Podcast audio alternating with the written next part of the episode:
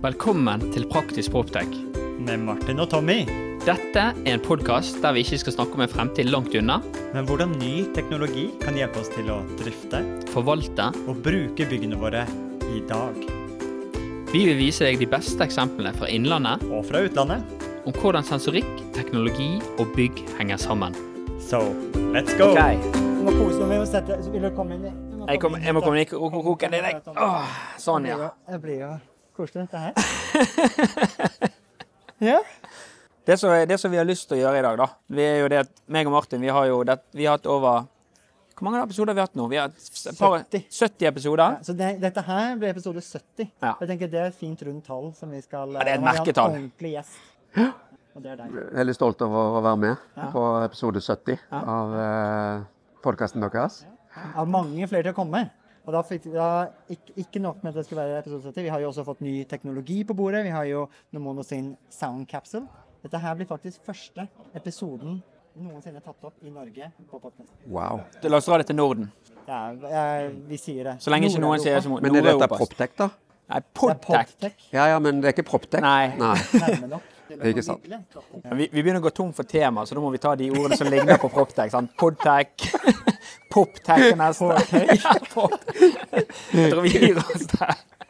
Apropos det, Tommy. Ja. Jeg, men eh, men det som er litt målet i dag Vi skal bli litt kjent med deg, Geir. Men én ting først. Vet du at jeg nettopp har blitt medlem i uh, Entropedia? Entrepedia.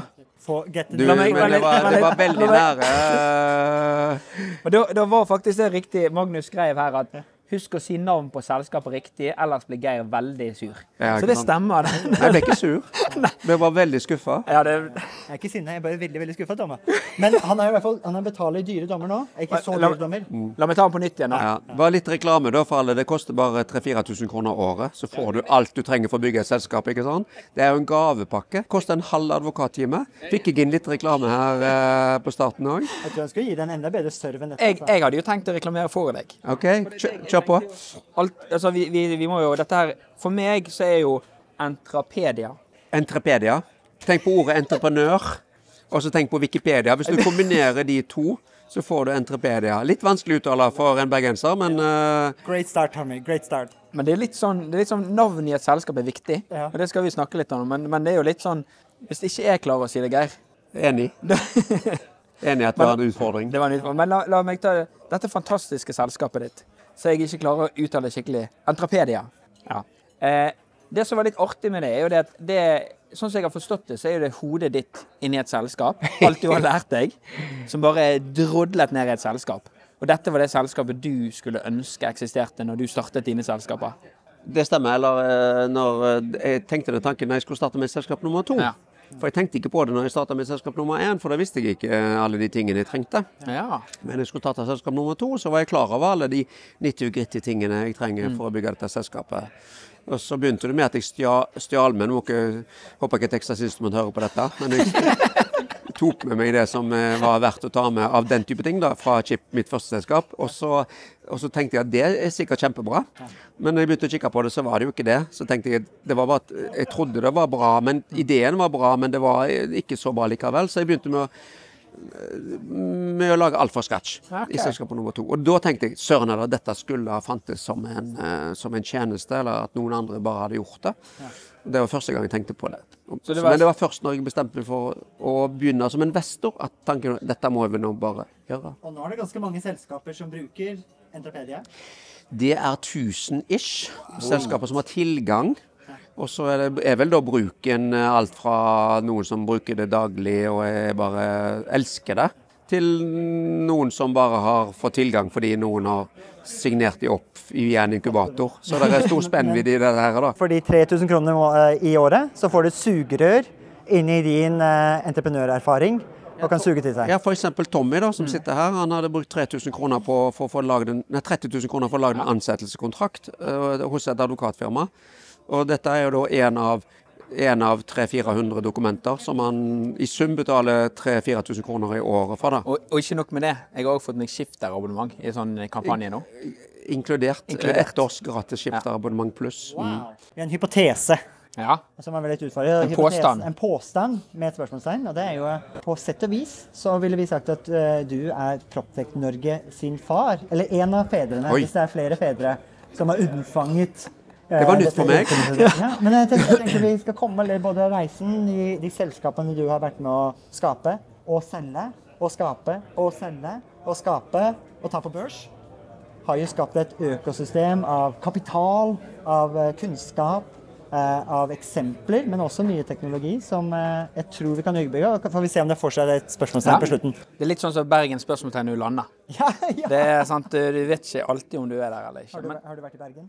Mange ganger. Har du sett det, vet du, eh, det skiltet vi tenker på? er det, det er ganske nytt på den nye flyplassen, Ja, det ikke det? Hva står det det var der der? jeg hentet deg under det skiltet en gang. Ja, ja. Bergens spørsmålstegn. Den, den som henger på den Ja. fjellveggen? Det er spørsmålstegn, men det er ikke det er, det er for å være provoserende, tror jeg. Men skal denne podkasten handle om Bergen? Eller? Nei. Men det var et eksempel da, på eh, denne podkasten er som en fjellvegg.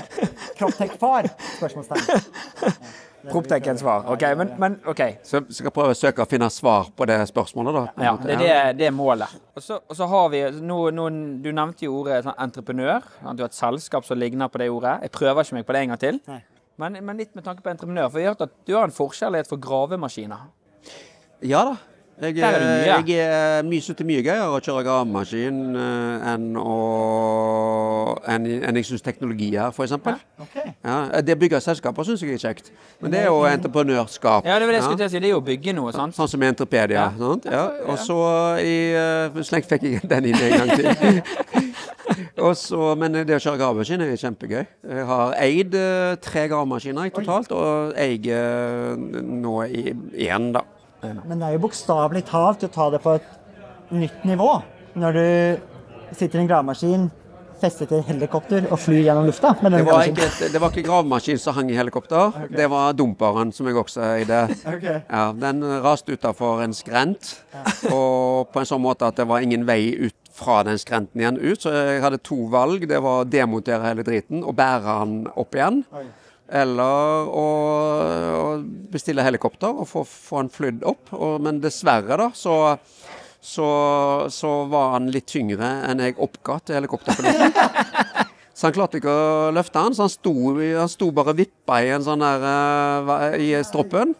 Og jeg tenkte nå, hvis, hvis, nå, nå kommer han bare til å måtte slippe stroppen, og da hadde den antakeligvis velta bakover inn i mitt nye, min nye hytte. Oi. Og da heiv Istedenfor å ta sjansen på det, så tok jeg heller sjansen på å hoppe opp på dumperen mens han hang i stroppen i helikopteret. For han hadde litt Forhjulene hadde litt kontakt med bakken foran. Ja. Og for, og så har han fir- firehjulstrekk, da. Så da klarte jeg å krabbe han innover. Og så gjorde jeg bare vifta jeg sånn med hendene ut, og så slapp han stroppen. Og så var jeg veldig Utrolig nok veldig høyt adrenalinnivå akkurat da. Jeg tror jeg aldri har hatt så høyt adrenalinnivå. Så, eller har følt meg så dum, da, eh, samtidig. Så jeg tror jeg er en av få mennesker som har kjørt dumper i, hengende i et helikopter. Det er du og Tom Cruise, liksom. Eh, ja, ja, det, ja, ikke sant? Det er der vi Nå er vi på riktig sammenligning. Ja. ja, ja. ja. Det var, det var bedre enn Bergens spørsmålstegn. Ja. Um, Og det har jo med å bygge det å gjøre. Entreprenørskap Ja. å bygge. Så det har jeg alltid likt eh, å bygge. Sagt, ja. det er det en, så, eh, er en- spesielt liker jeg å lage steinmurer. da. Jeg elsker å bygge med stein. Ja, Har så jeg er bygget- steingal. Steingal. Ja, tre generasjoner steingal. Min, eh, Det er sånn du sier på Vestlandet. min, min farfar var steinarbeider, og min far var ikke steinarbeider, men han drev mye med det. Og vi er tre, fi, tre av fire barn av min far, da, inkludert meg, er st- el, elsker å bygge med stein. Så det går liksom Du blir hva dine foreldre var, ofte. Hva er det du har bygget av stein? Steinmurer. Ja. På i Son. I Son f.eks., eller i Bergen. Har jeg bygd stein, masse steinmurer. Har du ja? ja, ja. Har du sett noe stein eh, Ja, det visste dette her, for jeg Jeg skulle ha har meg bygd en steinmur i fjor. Jeg. jeg har bygd med sement og ulike typer. Så hvis, hvis noen av lytterne her nå, nå har vi allerede fått til hvis du trenger eh, all kunnskap om starte og drifte selskap, og spesielt eh, dokumenter Eller kjøre gravemaskin. Hvor tar man kontakt da? Hva er websiden til uh, Geir det Stein? Ja. Ja, Geir Stein. Ja. Steingal.no. Men det er jo hobbyer, da, det Ja. andre. Ja. Jobben er å bygge selskaper. Ja. Jeg tror vi må nevne nå når vi sitter Nå sitter jo vi Vi har ikke, vi har ikke adressert den, ennå, men vi sitter jo i Startup Lab sin eh, åpne landskap. Dette er jo for å syreteste vårt nye PodTech. For å se om dette her faktisk noise cancellingen fungerer så bra som det. Så beklager hvis jeg ikke hvis det ikke så kan det gå veldig er dårlig reklame for det selskapet. Og god reklame hvis det funker. Ja, det, det, så dette her blir jo det. Og, og det er jo litt sånn viktig å ta med seg dette her at du, eh, du er jo du er jo du er vel administrerende direktør i selskapet Firda. Vi kaller det managing partner, men, men ja. Mm. Og, og i dette selskapet her så eier dere, eller deleier dere ekstremt mange selskaper. Og derav veldig mange av uh, Proptech-selskapene, sånn som Airthings og Disruptive Technologies. Celsia. Celsia, og dere òg sitter i styret her og er veldig veldig aktiv, så dere er på en måte med å bygge opp disse selskapene, men på management-siden, da kanskje, kan du si. Ja, vi er ikke, på, vi er ikke operative. Vi, eh, vi, eh, vi, hvert selskap har eh, en leder og et lederteam og har sitt lag. Så er vi liksom så tett på et selskap da, som vi kan være. Uten at du på en måte kommer inn i den og øh, lager noe Kommer i veien for de som skal drive selskapet. Men du er jo veldig dedikert til de selskapene du bl.a. har møtt her i Startup Lab. Noen av de selskapene vi har i porteføljen, kom, eh, hadde sine barnsben her. F.eks. Ardok hadde det, og Civid hadde det. Så flere har Og Zerolytics er her, i- eller i, i, i bygget da iallfall. Det er jo en reise her vi skal eh, på. Jeg husker jo, vi har jo Jeg har jobbet i Hjertings i fem år. Fire-fem år siden så var jeg på NTNU på Firda-dagene eh, til å rekruttere. Da var jo hele, alle porteføljeselskapene til Firda til stede. Vi hadde eget arrangement som dere i Firda hadde. Det er en del av den hjelpen som en investor man bidrar med til selskap. Hvordan tiltrekker man seg gode kandidater, og så fremst å bruke summen av selskapene til å virke få litt mer oppmerksomhet. Så vi hadde jo hele glasskåren selskaper nedover. Fire dagene var foredrag, det var pitch. Og så var det noen spesielt utvalgte studenter, som ble ganske mange til slutt. Det var 50-60 studenter. Vi hadde invitert med til middag. eh, Og vi skulle wine and dine og vise at her er det i porteføljeselskapene til Firda er det en fremtid. Så halvveis gjennom middagen, var, jeg tror det var til og med fireretters middag, så det var jo ganske fancy for å være en student på NTNU og kunne komme og bli påspandert en så fin middag. Så kling, kling, kling, reiser du deg opp og forteller en tale som er eh, hatt flere ringvirkninger. Ikke bare meg, men jeg vet også flere av de studentene som var der, virkelig tatt det til seg. For det var jo en tale hvor du gikk gjennom hele reisen din, veldig personlig. På de selskapene du har bygd, det å være en gründer. eh, Og de selskapene du har bygd opp og solgt og bygd opp og solgt, og hvor du har kommet til en dag. Så jeg tenkte egentlig at podkasten kunne jo bare vært den talen. Kan ikke du ta den igjen? Oi, jeg, husker ikke jeg, husker, jeg, husker jeg hadde den talen, men jeg har fortalt den historien i forskjellige måter mange ganger. Jeg husker ikke akkurat hvordan jeg gjorde det da. Men du vil jeg skal ta hele historien, liksom? du trenger ikke være monolog. Nei, nei, men, nei, men jeg kan begynne med at det, det var aldri min plan å bli entreprenør. Jeg visste ikke, visste ikke at jeg hadde det i meg. Eh, og kanskje, kanskje det å være entreprenør eh, kan hende det er noe en har i seg, eller kanskje det er noe som utvikler seg. Jeg, jeg vet ikke svaret på det. Jeg har alltid likt å bygge ting, men jeg har aldri i min tanke at jeg skulle starte noe selskap sjøl. det er det som var den direkte utlø- utløsende årsaken for å bli gründer da, på det første selskapet, var at hadde, lyst til, hadde ikke lyst til å være lenger der jeg var, fordi det var jævla mye krangel og spetakkel etter en fusjon mellom to selskaper. og det, Etter tre år så var jeg lei av det, så tenkte jeg nei, det gidder jeg ikke mer. Så, jeg, så var det meg og to kollegaer som startet et selskap istedenfor. Så, sånn begynte det. Så enkelt. Hvor gammel, hvor gammel var du da, Geir? 27. 27. Det er, det er tidlig gründerskap, ikke det? Sånn for å lykkes. Ikke det sånn at, at gründere som er For at gründerne skal lykkes, er det gjerne den 30-årsgreiene man ser. Jo, jo da. Vi var litt, vi var litt uh vi, vi starta uten noen særlige ambisjoner. Vi, vi, vi jeg jobba i Sintef, da, et forskningsinstitutt. Så, og vi levde av timene vi solgte, som var litt sånn, både litt sånn eh, forskningsaktige og litt industriaktige prosjekter. Så vi videreførte egentlig litt det samme som vi gjorde der. Så det var en veldig sånn easy start. Vi var spesialkonsulenter da, på det fagområdet som vi hadde. Og sånn var det de første årene. Det var først, først etter noen år at vi hadde fått litt selvtillit, og at vi begynte smått å sende og satse på dette med trådløs kommunikasjon. Da. For det, kommer, det, det er egentlig det første som skjer som kanskje er interessant for denne proptech-greiene, som dere sier, som vi, som vi som ikke var et tema. Dette var i Chipcon og var i 1990 La oss si det var 1999, da. Ja, 20, 25 år siden nesten. Mm. Og da var, det, var jo smarthus det var et tema som var begynt å snakke om. Det hadde vel vært snakk om i fem, seks, syv år allerede den gangen. Og vi snakker fremdeles om smarthus. Det er ikke blitt så veldig smart ennå. Altså private hus begynner å bli litt smartere. Men uh, det, det, det, vi snakker om det som det noe, en, en revolusjon som skal skje. Det beste som skjer Så det er jo ikke en revolusjon, da det har jo vært en evolusjon. Men det var jo den smarthus som var egentlig triggeren, som var mye av driveren til dette med at ting skulle snakke sammen trådløst. For den gangen så fantes det mobiltelefoner, så det var jo dingser som kommuniserte trådløst. Men, og du hadde en fjern, kanskje de, de, de hotteste bilene hadde en fjernkontroll til bilen. Det var liksom det vi hadde. Så vi var jo pioner da på å begynne å lage chip integrerte kretser for trådløs kommunikasjon, som vi gjorde, og Nordic Semiconductor gjorde. Og et selskap som heter Gran Jansen gjorde. Som var tre norske selskaper som var, samtidig var pionerer i verden på dette. Så var det bare Chipcon og Nordic som lykkes, og ble de to lederne, faktisk. Mm. Selskapene på trådløs kommunikasjon for det, det, vi kalte maskin-til-maskin-kommunikasjon den gangen, som da senere ble kalt IOT. da. Og der, der... Og der er det mye prop mye PropTep-enabling i det som uh, I den, de tingene der. Ikke det, ikke det. Nei, jeg skulle bare til å si, er det, er det dette som er utspringet til chipene som vi ser i dag i, i sensorene i bygg? Uh, ja. Uh, det er nesten, nesten, nesten, nesten 100% eller godt over 50 iallfall, et eller annet sted mellom der. Men det er jo Nordic Semiconductor er stor på dette, mm. som var en, en, del av denne sfæren. Chipcom, som ble Texas Instrument kjøpt av Texas Instrument, er jo en av de store spillerne. Og mitt andre selskap, Energy Micro, som ble kjøpt av Silicon Labs, og den plattformen det ble, som ble den tredje store spilleren. Så jeg har vært med på to av disse tre. da. Så jeg har jo mye av, grunn, mye av grunnteknologien og DNA-et har jeg vært en del av. Mm. Så dette er jo, hvis du ser eh, alle chipene til Airtings, Airtings er jo ledende på inneklimamålinger som er trådløse batterioperert, og den lange batterilevetiden. De bruker fortsatt chipper fra Chipcon eller Texas Instrument. For Chipcom ble kjøpt opp av det enormt store selskapet Texas Instruments.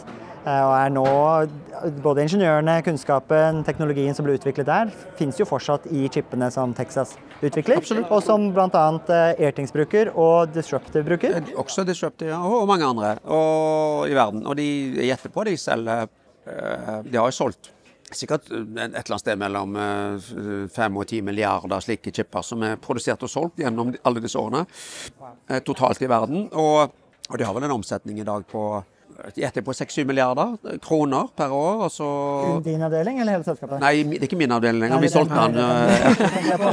og de har jo investert mer etterpå, så det er ikke sånn at det er bare produktene den gangen. Men det var jo den businessen som de har videreutvikla til å bli det. Og på størrelse med det Nordic Semiconductor, som, et av, som kanskje jeg ser på som Norges flotteste teknologiselskap i dag. da. Men nå, eh, nå, har vi jo allerede begynt å underbygge litt den eh, arbeidstittelen vår da, med PropTechens far. Hadde ikke, hadde ikke, dette vært der, så hadde vi kanskje ikke hatt de sensorene vi har i byggene i dag.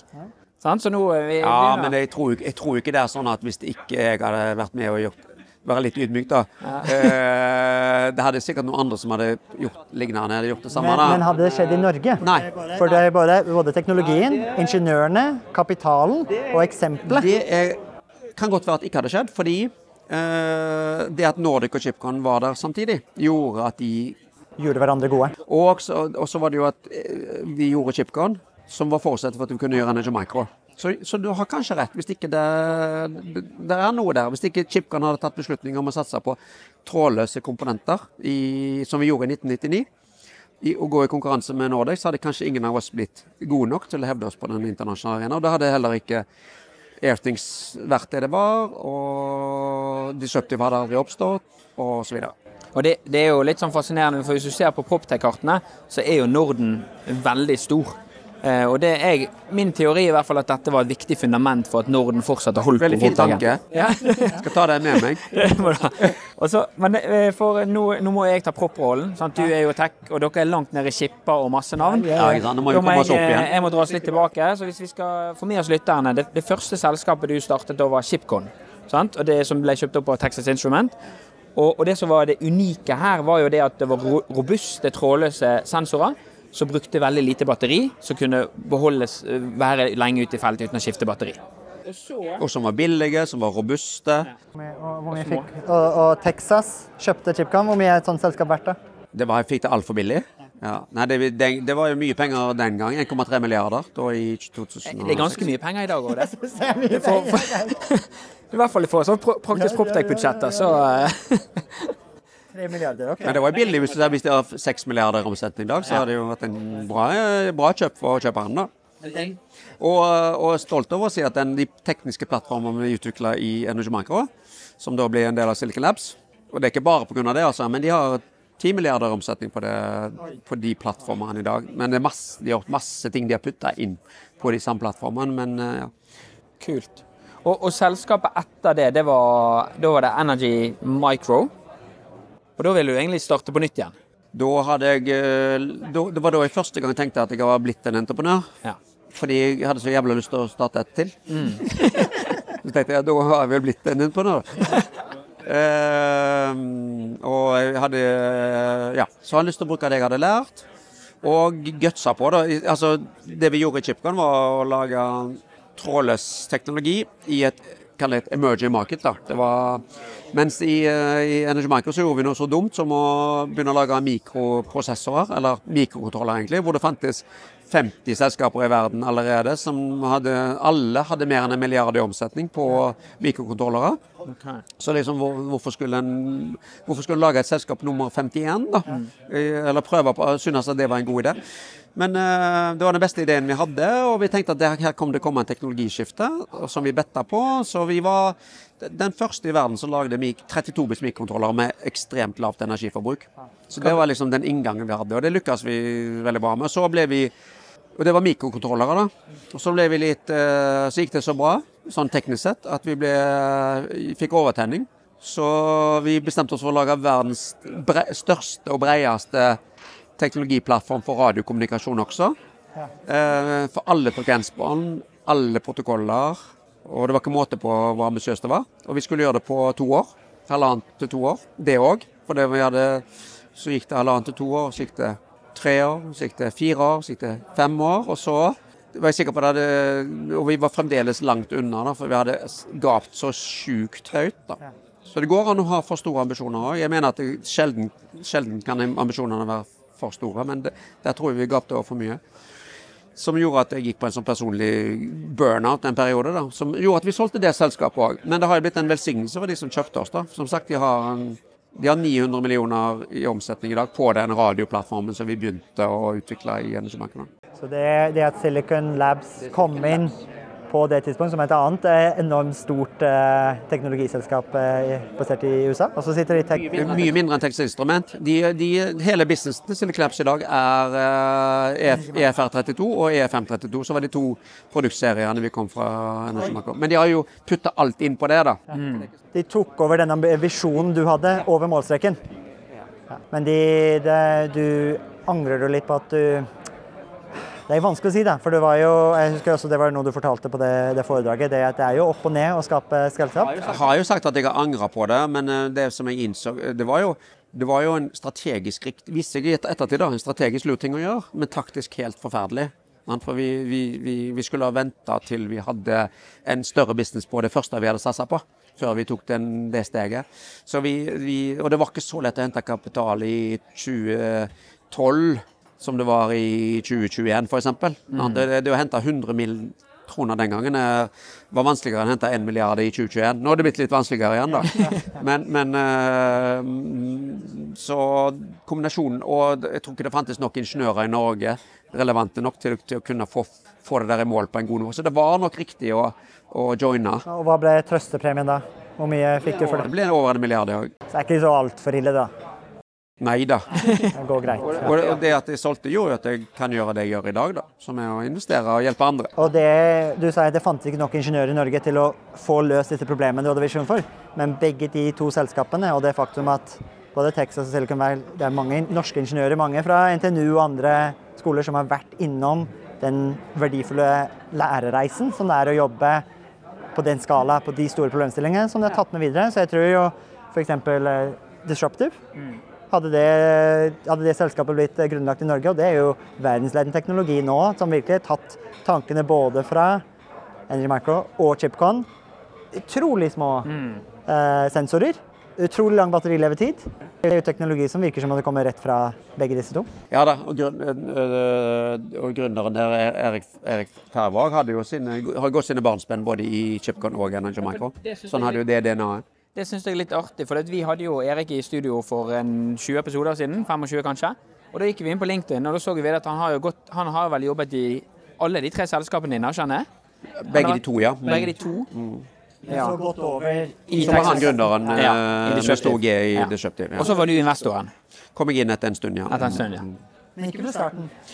Nei, for det var jo, han jobba jo i øh, Det var jo ikke noe aktuelt tema. Han jobba jo jeg, jeg visste ikke om at han hadde disse planene, jeg. øh, og kunne ikke vite om det heller, for jeg leda jo den businessenheten. Så, han, øh, så det var først et år eller halvannet etterpå at jeg fikk lov til å engasjere meg. Og, ja. For vi pratet jo med Aksel, og han fortalte jo litt om det. Ja. Sa? Han sa han var først. Han var før Geir. Han var inne som aksjonær Ja, før ja. meg. Stemmer det?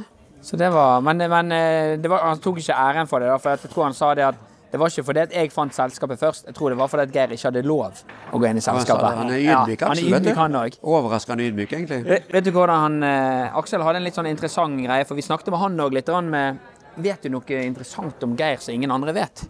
Og For han sitter jo i styret i Firda, og han sitter i flere styrer med deg. Og da fortalte han nei, men jeg husker første gangen Geir introduserte meg til resten av styret sitt. Og da var det liksom her er det en person som er kjempeflink på dette, og her er en person, og den personen er helt rå på det. Og her er Aksel. Han er eneste i rommet her som ikke er redd for meg. Og så gikk jeg på neste. Ja. Uff da. Skal vi inn på det nå? Og det, det har han tenkt, det, han følt seg, det følte han nå, ja, nei, det var litt kult. Det var en god egenskap å ha med seg. Er du redd for meg, Tommy? Jeg tror meg og Martin, det er grunnen til at vi sitter så trygge. Du, du er jo en autoritær person, da. Så jeg kan jo forstå at uh, Men ikke, folk, som, altså, uh, folk som kjenner meg veldig godt, ja. er ikke redde for meg. Sånn som barna mine og familien min. Heldigvis, da. Og Aksel. Og Aksel. Og Magnus, som er Magnus. kollegaene, kollegaene mine. Uh, nei, så jeg, men, men ja, jeg har også lyst til folk har en tendens til å være litt sånn redd for meg. Ja. Jeg har lurt litt på hvorfor det er sånn. Så jeg, tror jeg, jeg tror jeg vet svaret. Jeg tror det er to ting. Ja. Det ene er at eh, folk tror at jeg er klok og vis for de har gjort, fått deg en del. Altså, de skulle bare visst liksom hvor, hvor, hvor, hvor lite jeg vet om, i, i nuet om forskjellige ting, hvor vanskelig det er. Så det er det ingen grunn til å være redd for, men det, det tror jeg er en av grunnene. Eh, og den andre er at jeg er veldig eh, besluttsom. Ja, OK. Hvordan har du nå blitt eh, besluttsom? Eh, Det tror jeg har eh, skjedd fordi jeg har vært leder mesteparten av livet. Og er det noe du må gjøre som leder, er å ta beslutninger. Og jeg har blitt sånn nesten sånn Hei sann. Helt obsesst på det. Å ta beslutninger. Og blir helt sånn u, nesten uro i meg hvis jeg vet det er noen ubeslutt, Ja. ubeslutta ting. Så tenker jeg dette må bare finnes sin beslutning. Fort som F. Og det, er, og det kan jo noen, noen ganger kan det dreie seg om helt nøytrale ting, eller positive ting. Andre ganger kan det dreie seg om utfordrende ting. ikke sant? Men det- det, kan, det kan folk være litt engstelige for, kanskje. Men det, det underbygger jo bare arbeidstittelen vår igjen, da. Alle skal være litt sånn respekt for sin far. Ikke sant? Så vi bygger jo opp denne her eh, få Ja. vekk dette spørsmålstegnet på slutten. Så nå har vi to av tre kjekt. Ja, ja vel. Men jeg, men, Men det, det tar jo oss godt over til Firda, og nå har det på en måte skapt denne, dette økosystemet av teknologi, ingeniører, kapital, folk som har erfaring på internasjonal scene. Du sitter igjen med en eh, liten slump penger. Hvordan skal du ta dette her videre og, og skape et økosystem? rundt? Og der Firda har jo vært den plattformen du har brukt. Så har jeg, vi har jo prata litt mer med Aksel. Det er ikke bare det at du ikke er redd for han, men han har jo sagt noe Jeg har et lite sitat, da. Han er ikke redd for meg, Ja. Så det er et lite sitat her fra Aksel. Er du klar? Jeg er klar. Nå skal vi høre. Dette er Aksel Lund Svindal om Geir Førre. Du kan ta av meg setning, da. ja. Geir er rå. Jeg syns Firda er veldig flinke. Tidligere hadde de et slagord som het 'Our style is not for everyone'. Det syns jeg de kunne beholdt. For det er egentlig veldig riktig. Firda er skikkelig aktive. Og de bruker mye tid på selskapene.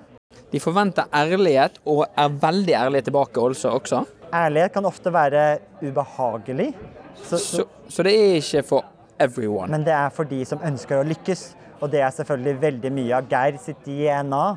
Det er jo et, det er jo et bra jeg synes, jeg- Og det er sånn som jeg Det kjenner ble fikk sånn tårer i øynene eh, her når dere sa dette så fint. Vi Gi varme tanker til Aksel her. Ja, men Det skal vi gi tilbake. Og han, eh, vi, har jo, vi brukte jo deg litt i episoden med han òg, så vi, eh, vi har Det er et multiplayer game, dette her, denne podkasten her. Men det som jeg syns er kult med Firde, er jo at slagordet deres, og det, det traff meg veldig, det var jo 'Empowering Norwegian tech startup to become global leaders'. Så det er jo, du Jeg er veldig jo stolt over det, faktisk. Ja. Det slagordet, eller eh, visjonen, eller hva vi skal kalle det. meningen med for, Så målet ditt er jo egentlig at den reisen som du har gjort, de, de pengene som har blitt tjent, de putter du egentlig inn i et porteføljesystem tilbake. Og du ønsker egentlig å bygge flere av disse norske ledende selskapene som faktisk skal lede hele verden. Mange, Mange. etter hvert. Jeg skulle bare ønske at jeg var 30 år yngre, så jeg hadde mange flere år å, å gjøre dette. Men, eh, men siden jeg ikke har 30 gode år igjen, og kanskje jeg har bare 10 gode år igjen, eller hvem vet hvor mange gode år igjen, kanskje jeg har 20, så, så er jo det nest beste å prøve å bygge et system som klarer det. Så det er neste fase av Firda her, og, og den reisen har vi begynt på. Nå har vi fra 2020 så var vi to personer i Firda, nå er vi ti. Inkludert fire traineer, da, riktignok. Og inkludert et par stykker i Entrepedia.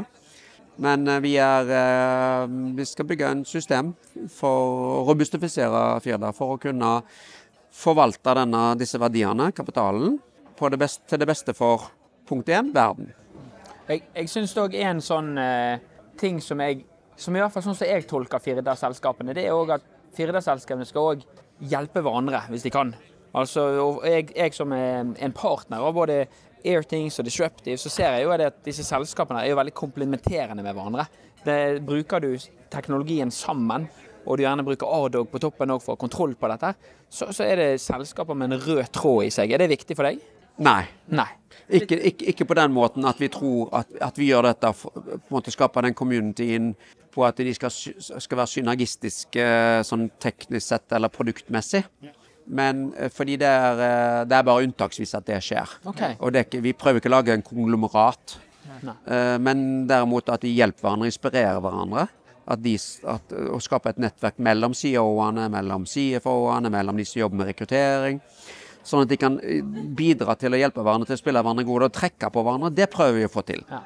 Men det er ikke egentlig planmessig at uh, Airthings pluss DT er lik noe som kan gjøre noe mer.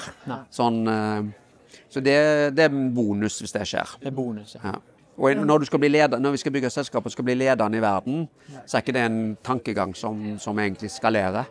Uh, For de som ikke har god kjennskap til Firda fra før, og porteføljen, kan vi ikke gitt dem en smakebit av de eh, selskapene som eh, er det? Både rene proptech-segmentet, men også litt utenfor, som kanskje gir en, et eh, collage av visjonene vi prøver å få til. Så vi har jo nevnt både Airthings, hvor du er største aksjonær, eh, Disruptive, hvor du var inne ikke like tidlig som Aksel, men tidlig. Eh, Hvilke andre selskaper har du investert i, og hvilke problemer løser de? Vi har f.eks. Civid, som i dag har verdens beste teknologi på, på 3D-syn for robotikk. Roboter. Robotøyne, rett og slett. Høres litt skremmende ut i disse tider når vi skal ha syn pluss AI pluss gud vet hva. Så, så, så, så ja, men kanskje en bidrar til noe eh, forferdelige greier her. Eh, vi tror jo at vi skal bidra med noe bra. Kanskje det blir noe eh, Men det Syn til roboter eh, er, er det selskapet gjør, og er ledende i den teknologiske verden. Er i ferd med å vinne noen virkelig, virkelig store kunder. Som vi ikke kan fortelle om. Uh, Iallfall én virkelig stor kunde, da. Nå prøver jeg å skryte, litt grann her for mye. Og så har vi Ardoc, som er en av de lederne i verden på software, eh, moderne enterprise, eh, soft, sorry, enterprise architecture. Hvordan hjelpe selskapet med å få orden i, i, i system- og IT- og businessprosesskaoset sitt, og kunne planlegge sin digitale reise. Jeg tror du Og- kan faktisk si ledende i verden, ifølge Gartner. I Gartner-kvadraten da, så er det jo Ardok Ardoc det- faktisk det, på Det er en leader, men, men det, det, det er de og ett selskap til da, som kniver om den eh, jeg vil si lederposisjonen. Men det er ikke så verst å være en av to og bli nummer én, da. Og så har du jo nylig nå Du har blitt med Celsia, som også er innenfor hjelper. Det er seed-mandatet vårt, så det er sånn eh, et mindre forpliktende mandat. Hva, hva er seed-mandat? Hva betyr det? Ja, vi, er, vi har ni selskaper i vårt hovedmandat. Kanskje, kanskje vi skal ta de først? Ja, la oss fokusere på de. Ok. Og så har vi, eh, og så har vi eh, Nei, vi har åtte selskaper, unnskyld. Og så har vi eh, Disruptive Tech, ja, den nevnte vi. Og så har vi Ardog nevnte vi. Og så har vi Highstar, Ja. som er da eh, verdens beste teknologi for produksjon av grønn hydrogen. Av grønn hydrogen. Ja. Altså lage hydrogen av strøm og vann. eh, Som er utrolig spennende og er i ferd med å bygge sin første fullskala prototype nå. Eh, store forventninger til. Vi har Monil, som er et selskap vi sjøl rigga Okay. som lager beiteteknologi. Som eh, er utrolig avansert, eh, tek, avansert eh, elektronisk gjerde pluss aktivitetsmonitor for, og helsemonitor for Så dette er da en eh, computer som er rundt halsen på beitende dyr. Ja. Og hva slags chipper er det der, da? Der er det Nordic Samconnector. Ok. faktisk. Så eh, konkurrenten Ku- Ja, faktisk konkurrenten, ja. Det viser hvor, eh, hvor pragmatisk jeg er blitt. Og hvor lite følelser involvert det er, egentlig, i dette. Det er ren business.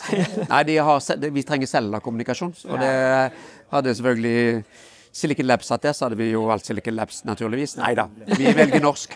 Eh, så det er spennende. Det, skal Ja, spennende. Og så har vi selskapet Seralytic, som skal hjelpe eh, som er veld, helt nystarta, men utrolig spennende. Uh, som skal gå net zero-planene, altså utslippsplanene til uh, selskapene i verden. Og gå de etter i sømmene og finne ut, hvilke, finne ut hva realitetene er, og hvor mye grønnvasking det er.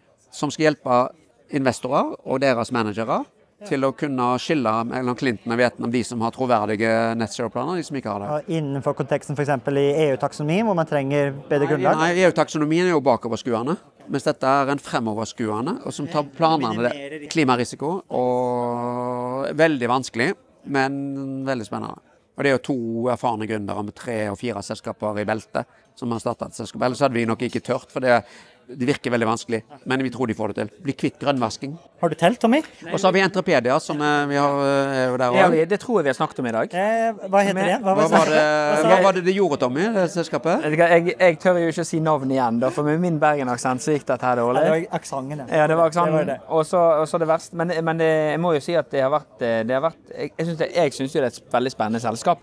Fordi at som, som entreprenør så er det kanskje ikke For meg så er det ikke det enstydelig med å elske dokumenter og dokumentmøllen. Eh, og, og så synes Ingen veldig- gjør det. Ingen, Bare- men det er, godt, det er godt å høre. Så de løser jo et veldig konkret problem. Men, men det som slår meg litt her, da, det er jo liksom en liten sånn avsporing inn i denne her tellerekken, det er jo det at hvis du ser på Jeg snakker masse med gårdeiere som skal bli grønne. Og det jeg har Min litt sånn kyniske oppfattelsen er at alle vil bli grønne, men det er nå først når det er blitt økonomisk insentivt å gjøre det, så blir man grønne. Eh, og så egentlig så, det det, så gjør vi investeringer fordi at det er lønnsomt. Sant? Litt sånn satt kynisk. Nå er det sikkert mange som er flinke, men stort sett så er det sånn man gjør en investering for at den skal være lønnsom. Men når vi ser på din portefølje av selskaper, går du den med Airthings som skal på en måte sunt inneklima til skolebarn, du har grønn energi, eh, du har masse innenfor bærekraft. Er dette her fordi at bærekraft er det lønnsomme, eller er du blitt litt sentimental med årene? At du, at du nå er litt myk nå? Sånn du, nå du, er, det, er det å redde verden som er ambisjonen, eller er det å putte pengene riktig og tjene mest mulig penger? Nei, altså øh, Det er helt klart mye mer øh, det, Altså, pengene Jeg jeg er blant de som ikke tror jeg får noe med meg når jeg skal forlate denne jord. Og jeg er også blant de som tenker at eh, det er ikke noe poeng at mine barn skal arve altfor mye, kanskje. Så, så jeg tenker at det er, ikke noe, det er ikke noe viktig driver. Men det å kunne skape mye For å kunne skape mye, så må du også ha ressurser til å skape, skape mye, skape mer. Så derfor, i, den, I det henseende er vi opptatt av å skape avkastning. da. Ja. Men så det er, mye, det er mye mer hva, hva vi Stoltheten går på hva vi kan få til Ja. som gir mening og verdi.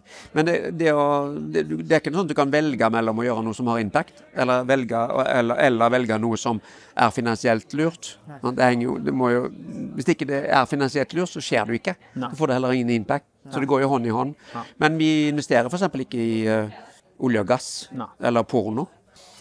Mens vi snakker om grønne ting. Ja. Det er de to exclusion-listene. Ja. Ja, det er to kategorier. Så det er jo, det er jo både Erlend eh, Det var bra du ikke hadde pitch i dag. ja, ja, ja,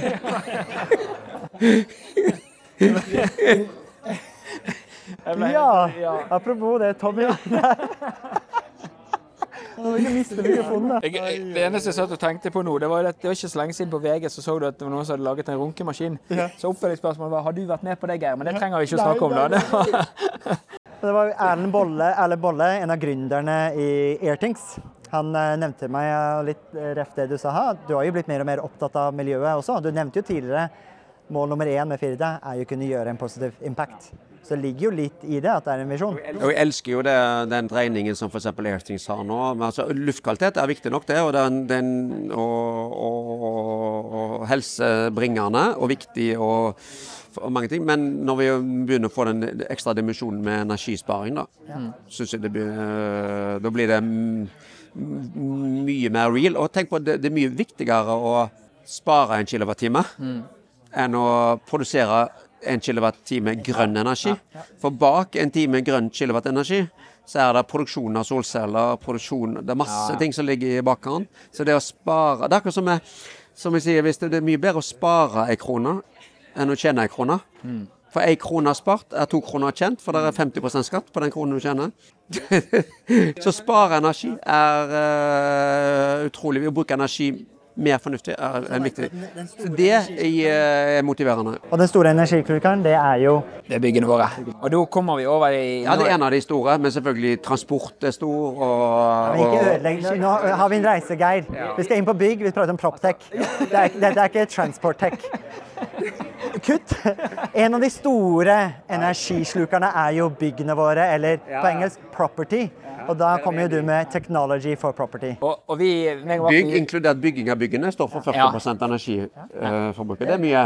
Og, og, og Enova har jo vist at, at bare byggene våre kan jo kutte nok energi til det som er målet vårt i 2030. Men det, vi gjør alltid litt research. På deg har vi gjort masse research. Så en annen vi har snakket med, han som òg fortalte om helikopterkjøring, eh, flygende helikopter, holdt jeg på å si, på, på dumper. Dumper i helikopter, Ja, ja. dumper i helikopter. Han fortalte òg det at eh, Geir, ifølge han sjøl, så snakker han alltid sant. Så nå tenkte vi skulle teste den her. Prøve å aldri lyge. Ja. å aldri å Mm. Og når vi kommer inn på dette her som på en måte er eh, rosinen i pølsen, som er byggene våre, og, og det at Firda er så dypt involvert i mange Proptech-selskaper som skal være med å løse disse byggutfordringene med Airthings og Disruptive. Og så har meg og deg hatt en samtale en gang, og det var ganske inspirerende. Så nå er jeg spent på om du tør å si det igjen, da. Men da sa du til meg en gang at det med styring av bygg, det må kunne gjøres på en bedre måte. Og jeg skrev en artikkel i, i 2019 eller 2018 der jeg sa at, at liksom den neste disrupsjonen, altså de som styrer byggene i dag, den neste Kodak i dag, det er liksom byggautomasjon. Hva tenker du om dette segmentet her? Jeg tenker at uh, på samme vis som smarthus har tatt 40 år, og fremdeles ikke har skjedd helt, så tror jeg ikke det plutselig, dessverre Jeg tror ikke det plutselig skjer noe i bygg heller. Men, men at det er mye fokus på, på Proptech om dagen, og gjennom de siste årene, er jo fordi det er store utfordringer. Dagens systemer og måten ting gjøres på, er ikke fremtidsretta. Så Eh, Så, så alle tenker at dette må jo kunne gjøres på en bedre måte. Og så er det, så er det vanskelig å knekke koden likevel, da. Fordi det er eh, Et bygg er komplekst med utrolig mange arter. Det er ikke så lett å finne Det er ikke så lett å finne den derre one size fits all-løsningen. Eh, Det gjør at det ikke er løst, og det gjør at det er gøy å prøve å være med og finne de løsningene. Jeg tror, jeg tror ikke det er snakk om én løsning, jeg tror det er løsningene. Men det som jeg tror er helt sikkert at eh, om, om, om en del år, så, så, er, det så er det ikke bygd BMS-systemer fra åt, ut, som er produktivisert på 80-tallet og står på en PC nede i kjelleren i en bygg hvor én mann, en person eller dame har eh, tilgang på den. Det, er, eh, det har skjedd noe, men akkurat hva som skjer, og hvordan det skal skje, det vet ingen, tror jeg. Men at det skal skje noe, det, det er et gøy utgangspunkt for å Og at det må skje noe, er to gøye utgangspunkter for at dette er verdt å bruke tid på. For det var det som jeg satt igjen med, var det med at du sa at eh, jeg vet ikke helt hva som skal skje, men én ting er sikkert. Den måten vi gjør det på i dag, det er ikke den måten vi skal gjøre det på i fremtiden. Og Det syns jeg var litt Og spennende. det er fordi at han er dønn statisk. Ja. Du bygger et bygg, installerer noe, og så faller ting fra hverandre. Og så blir du suboptimal. Det er jo så det, det- neste kapittelet i Fires liv, nå skal du gå enda dypere. Du har blitt bitt av byggbasillen, rett og slett. Og nå skal satse på Selv om det er store aktører her nå, Siemens, Schneider, Honeywell, store aktører som har corner this market. Det er ikke første gang du har eh, startet selskap til å konkurrere med de store eksisterende. Veldig gøy å konkurrere med de store, for de beveger seg jo så enormt sakte. Så da, Mye verre hvis det var noen andre up and coming startups som er enormt bra funda med kjempestor hastighet. De er en mye større trussel for, som en konkurrent enn incumbents. Det, det, dette er jo litt interessant. Så, så når du ser på markedet og alt du har gjort, så ser du egentlig mer på hvis det er en, en bransje der det er store, litt treige selskaper som er Og hvor en tror det kommer en endring. Eller eller det må komme endringer. Ja, OK. Det er én ting. Og så er det noe Det, det ene kan være en ak- en aksen. En annen akse er bare at sånn som Zerolytics, da. Hjelp, dette med net zero-planer er jo en ny oppfinnelse. sant? Fordi det er noe som Det, det, det med å, å bli At verden må bli klimanøytral eller øh, løse dette problemet, har jo gått fra å være Det er i ferd med å bli en slags realpolitikk. At det er i ferd med å komme inn i, i, i land og verdens budsjetter. Ikke helt, men på vei. Eh, og, og det skaper mange muligheter for nye, nye typer ting som ikke vi behøvde før. Mens bygg er jo en kategori som vi, som vi har hatt i en del år. da. Eh, og de har vært auto, eh, automatisert, men eh, hvor en bare skjønner at dette må eller veldig mange bygg som ikke har blitt automatisert. Vi vet jo det er en stor long tail. Ja, men hvis du ser på små og mellomstore bygg Jeg har jo sagt at det er to, bygg, nei, to ting i verden jeg elsker, og det er min kone og eldre, små, mellomstore bygg. Ikke sant? Fordi de får ikke den kjærligheten de fortjener. det, det er Det, det er kun de to tingene. Ja, ja, det er kun de to tingene. Jeg trodde det var din kone i eldre. Ja, ikke sant? For det er jo, du ser jo, hvis du, tar, hvis du kun ser på bygg som under Det er jo det 4500 Det er mye lettere problemstilling det enn de å begynne med skyskraper. Men vi har ikke løst dem. Nei, men det, men, det, men det er enklere å løse. Det er kun 10 som har behovsstyring eller styring. Det er en kjempepotensial. Da. Det er den som er en 94% av byggene er i den kategorien, men kun 10-13% har automatikken, styringen, den gamle sorten du sier kommer fra 80-tallet. Så er jo, her er det jo bare mulighet til å gå hoppe etter. Det, det er jo litt sånn eh, Helt enig. Du, du har jo vært gjennom denne reisen før. sant? Sånn avslutningsvis. Du har jo vært gjennom denne reisen før med at du har på en måte utviklet disse skipene. Eh, meg og Martin vi har jo opplevd liksom Netflix og disse her moderne tingene som Og er vi blitt har opplevd Netflix. ja. Oh, oh, oh, Og vi har opplevd liksom Spotify og den reisen der. Men, men er det noen paralleller du ser fra den chipcon-tiden din eh, med, med et hull i markedet, eller noe som blir gjort på en annen måte til, Til Proptech? til Proptech? Ja, det går tregt. Det går tregt, ja. ja. OK. Men ser du noe sånn Det var likhetstrekk? vondt og vanskelig. Ja? Men ser noe likhetstrekk med at det, at det snart skal rulle på? Eller at liksom at nå skjer det For den, den transformasjonen som dere gjorde med disse små sensorene som plutselig kunne være ute i Sånn som Disruptive, da, det at jeg tror det er fortsatt folk i dag som ikke skjønner at sensorer ute i bygg kan vare i 15 år. Ikke så, ikke så små som de, Disruptive sine. Det er jo en ingeniørmessig bragd. Men ser du noe sånne ting at det var en umulig oppgave, men dere løste det på en eller annen måte? Til der vi i dag folk tenker at "Nei, kanskje ikke byggene de er umulige å få fikset på, men Jeg tror ikke, det- er jo ikke det er ikke, det er ikke en enkeltproblemstilling i seg sjøl som er vanskelig i bygg. For du, alle sensorene du vil tenkelig skulle ønske å ha, fins. så det er egentlig det er egentlig problem, problemstillingen for dette her er på et mye mer system- og overordna nivå. Ja. Hvordan ting skal henge sammen. Og systemer fra 18 ulike typer behov som skal passe sammen og kunne la seg styre og ses på i en helhet. Det er en, annen, en litt annen problemstilling og, som ikke er løst. Mm. Og, og det er ikke løst fordi alle de store, de som har, og er lederne i dette, har hatt mantraen de skal inn med sitt system. Alle skal inn med sitt system. Og det blir veldig statisk. Mens den, eh, jeg tror også de har begynt å innse at sånn vil ikke framtida være. At det vil være teknologi fra flere. Og Derfor har de også begynt med sånne eh, litt mer sånn overordna plattformer. Type Abound Ja. og uh, Open Blue, er det ikke det det heter? Og det, det er jo Det er en erkjennelse av at verden kommer til å se annerledes ut, men de ser heller ikke hvordan det skal gå fra det til og hvordan dette henger sammen med de sine BMS-systemer som de tross alt selger i dag. da.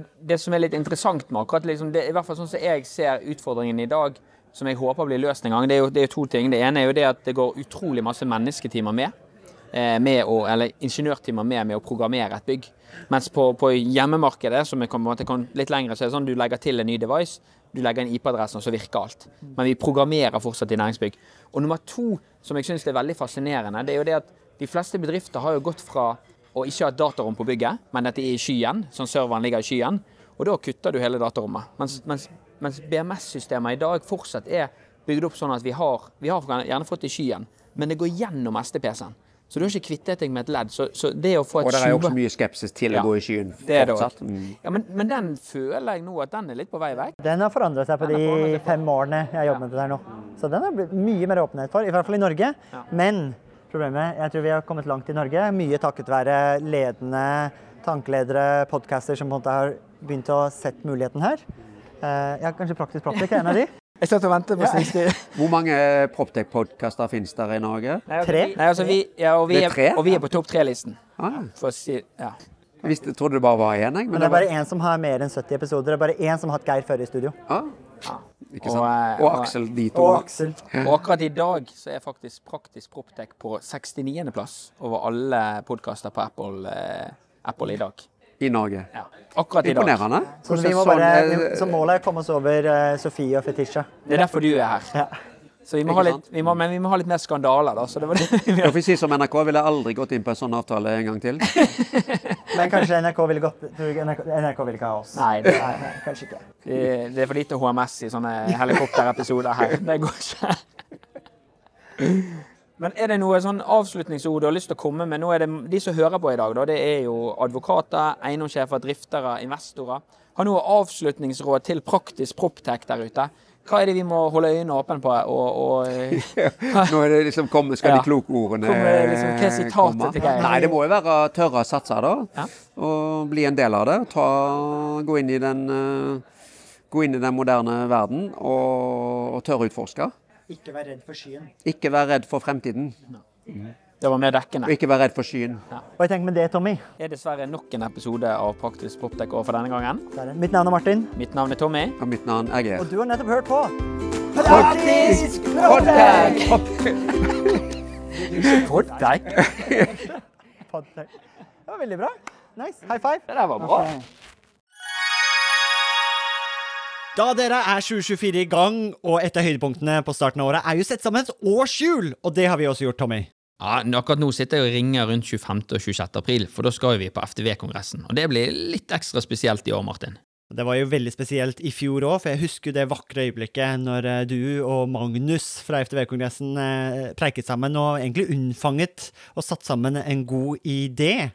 Og det var jo invitasjonen til eh, Proptech-dugnaden, som også blir et høydepunkt i år, ikke sant, Magnus, på FTV-kongressen 2024. Jo, det stemmer det. Vi setter godt med plass eh, i år til, eh, til dugnaden. En god og sprø idé for å sette praktisk proptech ut faktisk i livet og vise hva vi får til, ikke bare fortelle. Det var, jo, det var jo veldig gøy, for jeg husker da jeg skulle pitche dette til deg, så tror jeg du avbrøt meg og bare sa 'vi er med'.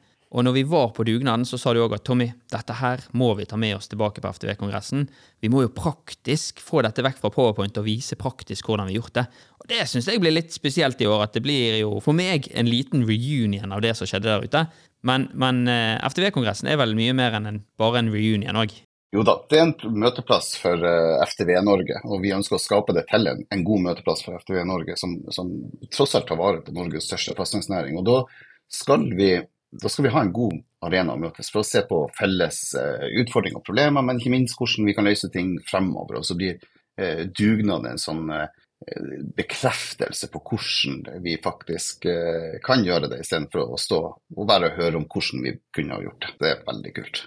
Og januar er jo en gavemild måned, så hvis du brenner for bedre drifting av bygg, så kan du få med deg en liten eh, rabattkode her også, så møtes vi kanskje 25.-26. april på Tung kongress Gardermoen, og den rabattkoden er ikke vanskeligere enn Praktisk Proptech med små bokstaver og uten mellomrom. Praktisk Proptech. Praktisk proptek, små bokstaver, ingen mellomrom, ett ord. ftvkongressen.no, der ser du programmet, det blir oppdatert i disse dagene, og så møtes vi i april. Vi ses! Vi ses!